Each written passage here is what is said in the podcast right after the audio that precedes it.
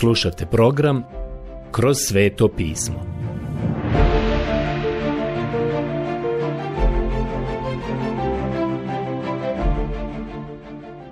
Knjiga Poslanica Efežanima Odlomak Poslanica Efežanima Poglavlje 4 od 6. do 13. stiha Prijatelji, prošli put smo zapravo došli do potpuno novog dijela poslanice Efežanima. Govorili smo o crkvi, koja je tijelo Kristovo i da je glava tog tijela na nebu. Mi smo pridruženi njemu. Crkva je tijelo, crkva je novi čovjek, crkva je misterija. Sve je povezano sa Kristovom osobom koja je tamo gore sa desne strane Bogu. Možete se veoma udubiti i uplesti u to. Neko je rekao u vezi sa tim možete biti toliko nebeski nastrojeni da uopšte niste prisutni na zemlji. Jako mnogo ljudi se do te mjere zanosi time, da ne shvataju da mi trebamo hodati ovdje u ovom veoma lošem svijetu, veoma zlobnom svijetu. Sa time se susrećemo svakodnevno.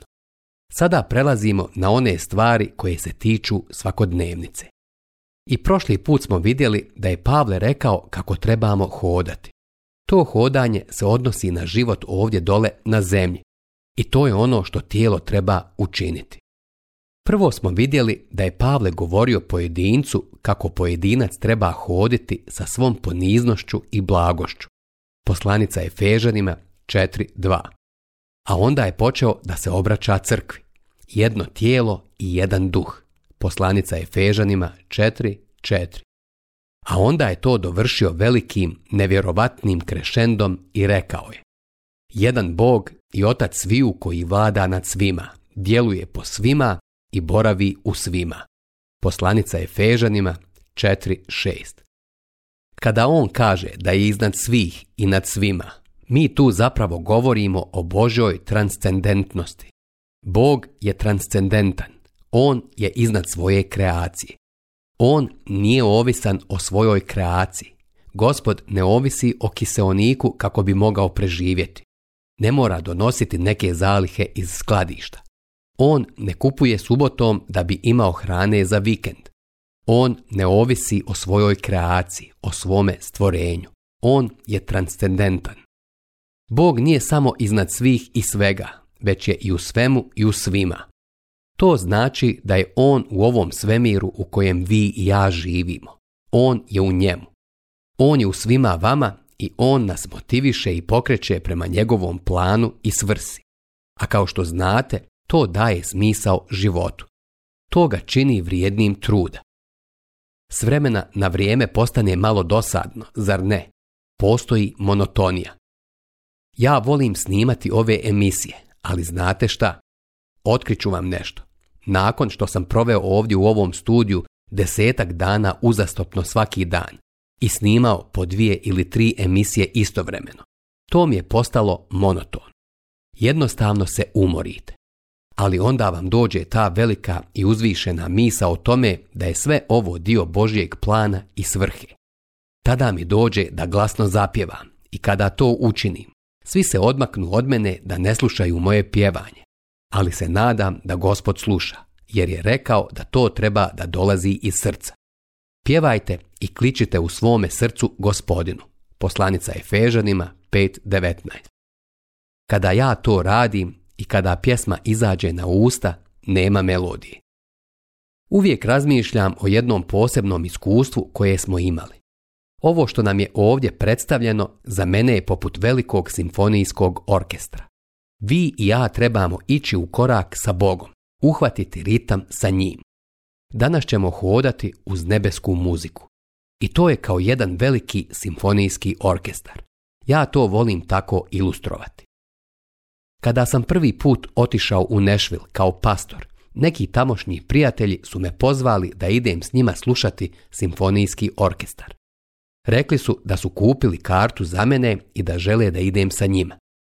Oni su tada mislili da mi čine uslugu, ali znate šta? Bilo je mnogo drugih stvari koje bih ja radije činio, nego išao slušati simfonijski orkestar. I ja znam da sam baš neupućen kada je muzika u pitanju.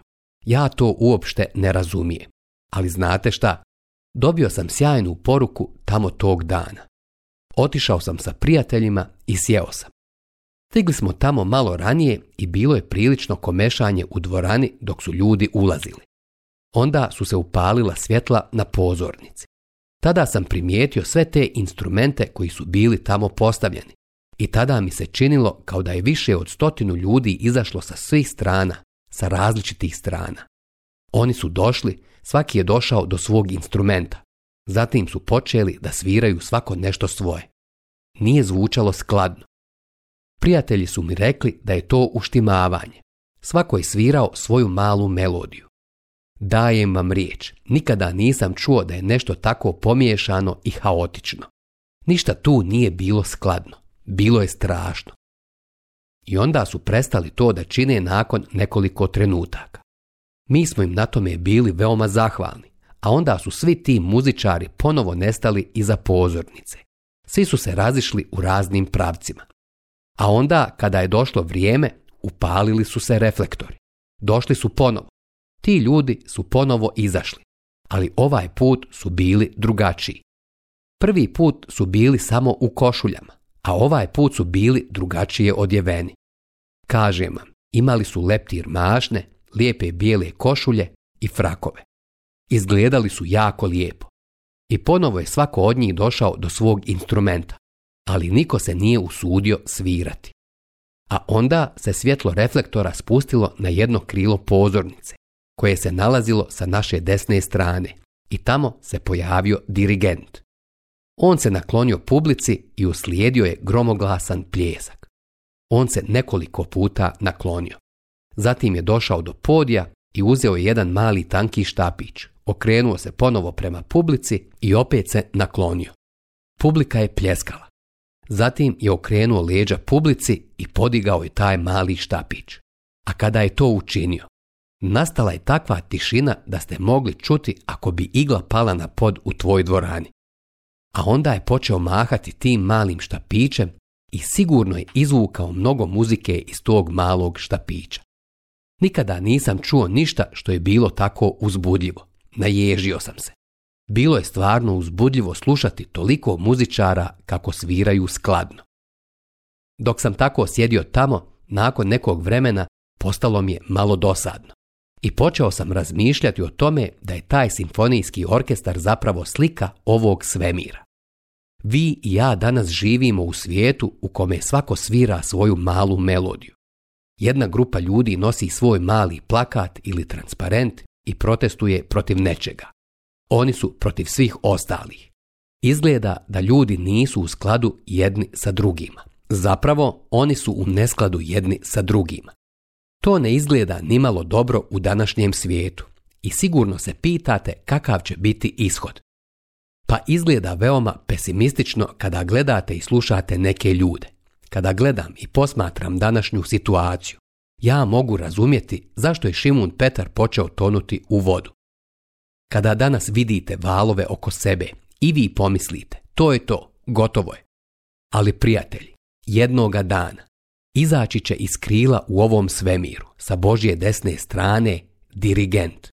Zovu ga kraljem kraljeva i gospodarem gospodara. A kada se to dogodi, on će podići svoju palicu, podići će žezlo svojim rukama koje su probodene ekserima. I kada to učini, sve će biti usklađeno. On je tu, blizu je i on je transcendentan. Kakvo je ovo predivna i čudesna stvar. On je iznad svih, u svemu i u svima nama. Stoga nemojte odustati. Dirigent dolazi i sve će nas uskladiti. Sada dolazimo do dijela u ovoj poslanici gdje imamo ograničenje novog čovjeka. Ograničenje novog čovjeka crkva treba hodati kao novi čovjek u ovom svijetu. Ranije je bilo riječi o tome da crkva treba biti izložena, da svjedoči i da se pokaže i očituje u svjetlu. Ali sada vidimo da i crkva ima neke kočnice. Te kočnice su veoma važne. Malo dijete nema nikakve kočnice, ali crkva ne treba biti kao mala beba, niti se ponašati kao mala beba ona treba odrasti i razviti neke kočnice. I vi znate da postoje određene stvari koje ponekad ne treba da kažete, ali malo dijete bi ih reklo. Mislim da sam vam već ispričao tu priču kada sam otišao u posjetu nekim ljudima. Oni su bili članovi crkve i kada sam bio kod njih, oni su se ponašali poput nekog nastupa ili performansa zbog mene. Željeli su ostaviti utisak da su pobožni i religiozni. Zatim smo sjeli za sto i zamolili su me da se pomolim i blagoslovim hranu. ja sam to i učinio. Njihov mališa je sjedio tamo u visokoj dječjoj stolici. Mislim da je imao oko tri godine. Taj mališa je pogledao u naokolo i onda se okrenuo ka svojoj mami i rekao je Šta je to ovaj čovjek uradio sada? Nije imao nikakve kočnice. Nije se uopšte suzdržavao. Tamo, u tom domu, se nisu često molili za stolom i zahvaljivali za hranu, pa taj mališan nije znao šta je to. Crkva ipak treba imati neke kočnice i ograničenja, jer treba sazrijevati i odrastati. Zapazite sada o čemu Pavle ovdje govori. A svakomu je od nas dana milost po mjeri kako ju je Krist darovao. Poslanica Efežanima 4.7 Ovdje možete zapaziti da su svim vjernicima dani darovi. Ovo je odjeljak koji ponovo govori o darovima. Imamo to u poslanici Rimljanima u 12. poglavlju. Imamo to i ovdje, u ovom četvrtom poglavlju poslanice Efežanima. A već smo to vidjeli i u prvoj poslanici Korinčanima u poglavljima 12, 13 i 14. To je zapravo najveći odjeljak koji govori o darovima. Kao što možete vidjeti, Pale ovdje kaže da vjernici trebaju marljivo održavati jedinstvo duha. A kako ćemo to postići? To ne znači da trebamo biti kopije jedni drugih. To nije ono kada možemo da kažemo i ja također. Svaki vjernik je dobio dar kako bi mogao sudjelovati i djelovati u tijelu vjernika na određeni način. Dozvolite mi sada da se vratim i kažem nešto što smo već ranije rekli u prvoj poslanici Korinčanima, u 12. poglavlju. Darovi se daju pojedincima da bi mogli primijeniti svoj dar ili darove u tijelu vjernika, jer su oni udovi tog tijela. I kao što je Pavle rekao u prvoj poslanici Korinčanima u 12. poglavlju, on kaže da u svakome od nas postoji to očitovanje duha i dano nam je na korist i izgradnju. Pogledajte prvu poslanicu Korinčanima 12.7. To jednostavno znači sljedeće. Dar je kada duh čini nešto preko vjernika. I on to ne čini zarad privatne pobožnosti pojedinca, već to čini u tijelu vjernika da bi izgradio to tijelo, to jest čini to za dobrobit tijela. Nijedan dar nije dan pojedincu da samo njega duhovno razvije. Darovi su nam dani da djelujemo u tijelu vjernika kako bismo mogli imati koristi i blagosloviti crkvu. I dan danas čujem kako neko govori. Dobio sam mnogo takvih pisama u kojima piše Doktore Megi, mi u crkvi ne govorimo u duhovnim jezicima. Činimo to kao dio naše lične i privatne pobožnosti. Mogu vam kategorično reći u skladu sa Božjom riječi da ste potpuno u krivu. Dar je dan da bi crkva profitirala i nemate ga pravo sebično koristiti samo za svoju korist. To zapravo i nije dar ako se tako koristi. Dar je to što ste udovi tijela. Svaki ud mog tijela mora funkcionisati zbog veoma jasnog i određenog razloga. Zamislite da sam jutros došao u svoju radnu sobu i zamislite da su moje oči tada rekle Pospane smo danas, ostaćemo da spavamo ti idi da radiš. Ili ako bi rekle, želimo imati svoju pobožnost. Prijatelji, želim vam reći da ne bih mogao ići da radim bez očiju. Ovdje su mi oči potrebne za snimanje ove emisije. I noge su mi potrebne jer su me dovele ovamo. Oči gledaju u strane svetog pisma, a jezik sa njima sarađuje. Nadam se da je tako. I nadam se da moj mozak sarađuje sa drugim dijelovima moga tijela. Tako, nadam se da vidite da kada koristite dar, to je na korist crkve. To je ono što je ovdje sasvim očigledno. Svaki vjernik dobiva dar kako bi mogao djelovati u tijelu vjernika na određen način i u određenoj mjeri. A kada tako čini, tijelo funkcioniše. Tako ostvarujete jedinstvo duha. Zajedno sa darom dana je i milost da ga koristimo u sili i punini duha Božijega. Svaki vjernik funkcioniše u svom posebnom daru, a duh proizvodi sklad kakav postoji i između udova ljudskog tijela. Kada jedan dio tijela pati, Pavle kaže da cijelo tijelo pati. I stoga, kada nećete da funkcionišete na ispravan način, da koristite svoj dar u tijelu, onda i sve ostale izbacujete iz takta. Pavle zatim kaže u osmom stihu sljedeće.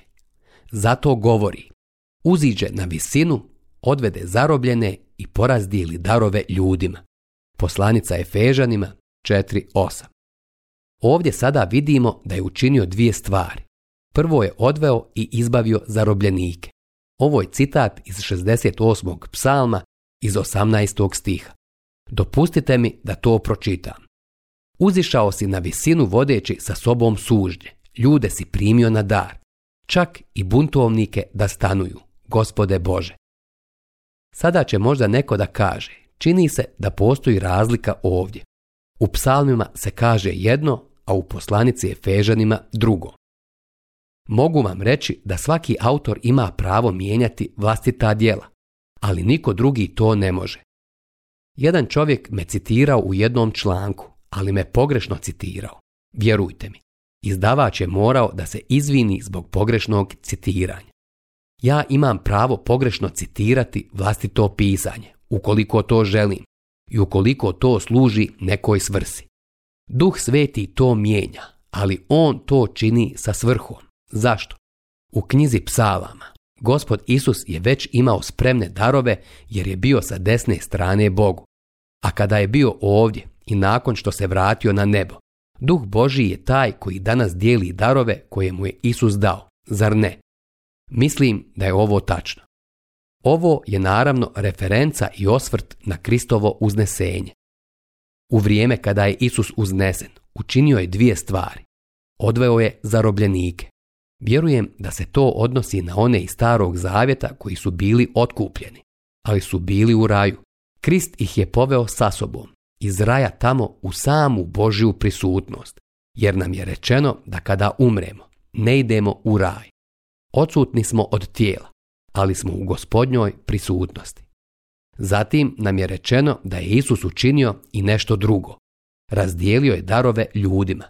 To znači da je živim vjernicima u crkvi razdijelio darove da bi mogli svjedočiti u ovome svijetu. Kao što vidite, pri svom uznesenju, Isus je učinio dvije stvari. Doveo je ove starozavjetne vjernike u prisutnost Božju. Zatim je razdijelio darove na dan Pentekosta. Došao je duh sveti i krstio ih je u tijelo vjernika. On ih je postavio na određeno mjesto da funkcionišu kao udovi tijela i od tada on to stalno radi. Pročitat ću sada deveti i deseti stih. Što znači uziđe, nego da najprije siđe u donje dijelove zemlje. Onaj koji siđe ujedno je onaj koji i uziđe na cva nebesa da ispuni sve. Poslanica je Fežanima 4, 9 do 10. Ja vjerujem da postoji logično objašnjenje za ovo. Budući da je Krist uzišao, morao je i sići u nekom prethodnom vremenu. Neki u tome vide samo njegovo utjelovljenje. Na primjer, rani crkveni oci su u tome vidjeli i Kristovo djelo dovođenja starozavjetnih vjernika iz raja do Božijeg prijestolja nije neophodno pretpostaviti da je on ušao u neki oblik patnje nakon smrti. Na primjer, rečeno nam je i to da je sišao u pakao. Šta to znači? Pa on je sišao na mjesto gdje su bili mrtvi i njegovo utjelovljenje i smrt bili su njegovo poniženje i njegov silazak. Njegovo utjelovljenje i smrt su bili prikladni da dovedu otkupljene iz starog zavjeta u prisutnost Božju. Mislim da je to ono što Pavle govori ovdje u ovom odlomku, ali znam da postoje i druga tumačenja. Sada ćemo pročitati od 11. do 13. stiha. I on je dao jedne za apostole, a druge za proroke, jedne za evanđeliste, a druge za pastire i učitelje, da se sveti usavrše za djelo služenja, na izgradnju Kristova tijela. Tako ćemo svi stići do jedinstva vjere iz Sina Božjega, do savršena čovjeka, do uzrasta Kristove punine. Poslanica Efežanima 4, 11 do 13. I on je lično dao jedne. Sada ćete zapaziti da ja ponovo čitam svoj prevod. Vjerujem da bi moglo biti od pomoći. I on je lično dao neke kao apostole i neke kao proroke, neke kao evanđeliste, a neke kao pastire i učitelje, nije im dao da to postanu. Ovo nisu darovi koje on daje tim ljudima, iako je i to činio. Ovdje kaže da je on uzeo te ljude koji imaju određene darove i dao ih je crkvi. Za koju svrhu? Da se sveti usavrše ili opreme za dijelo služenja, na izgradnju Kristova tijela. Tako ćemo svi stići do jedinstva vjere i spoznanja Sina Božjega, do savršena čovjeka, do uzrasta Kristove punine. Sada ovo može zvučati sebično, ali ja vjerujem da nije. Koja je svrha crkve u ovom svijetu? Treba da se usavrši, da može da naraste. Isus je ovdje veoma naglašen. On sam, gospod Isus, jeste taj koji je dao crkvi darove. On je taj koji ih je dao i on je taj koji ima autoritet. On je crkvi dao neke ljude kojima je bio dan dar apostol. Oni su sada dani crkvi. Za koju svrhu? Da bi kao apostoli učinili baš kao što i Pavle kaže. Pavao apostol, ne od ljudi, ni po čovjeku, nego po Isusu Kristu i Bogu Ocu koji ga uskrisi od mrtvih. Jer ga ne primih od čovjeka, niti naučih, nego objavom Isusa Krista. Poslanica Galačanima 1.1 i 12. Ova služba je zbog svoje prirode odavno nestala iz crkve. Proroci koji se pominju ovdje su isti oni koji se pominju i drugdje u poslanici. Postoje novozavjetni proroci i mislim da se to odnosi na propovjednike. Ti ljudi su kao i apostoli, dobili jedan poseban uvid u doktrine vjere. Oni su bili pod neposrednim uticajem i nadahnućem duha svetoga, ja mislim da ih to razlikuje od današnjih učitelja, iako su u svoje vrijeme bili propovjednici. Evanđelisti nisu bili ono što mi danas smatramo evanđelistima. Bili su to putujući misionari. Pavle u tom smislu također bio evanđelista. Otišao je na nove teritorije. Tamo nije postojao odbor niti organizacija koja bi pokrenula neku kampanju. Kažem, on je sve to napravio sam. Duh Božji je išao pred njim. Pastori koji se spominju ovdje su zapravo pastiri, a učitelji su oni koji su poučavali stado. Sada su ti obdareni ljudi bili darovani crkvi kako bi ona mogla biti dovedena do pune zrelosti, savršenstva, službe i izgrađenosti. To je bila svrha toga. Danas ćemo morati da završimo. Do sljedećeg puta, ljubljeni moji, neka vas Bog obilno blagoslovi.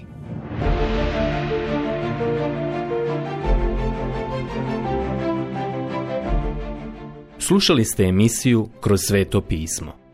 Možete nas slušati i na našem YouTube kanalu, putem mobilne aplikacije, te na svim glavnim podcast platformama kao što su Google, Apple i Spotify. Ako vam se naši programi dopadaju, preporučite ih i podijelite s drugima. Budite slobodni da ostavite svoj komentar ili nam pišite na našu e-mail adresu kroz sveto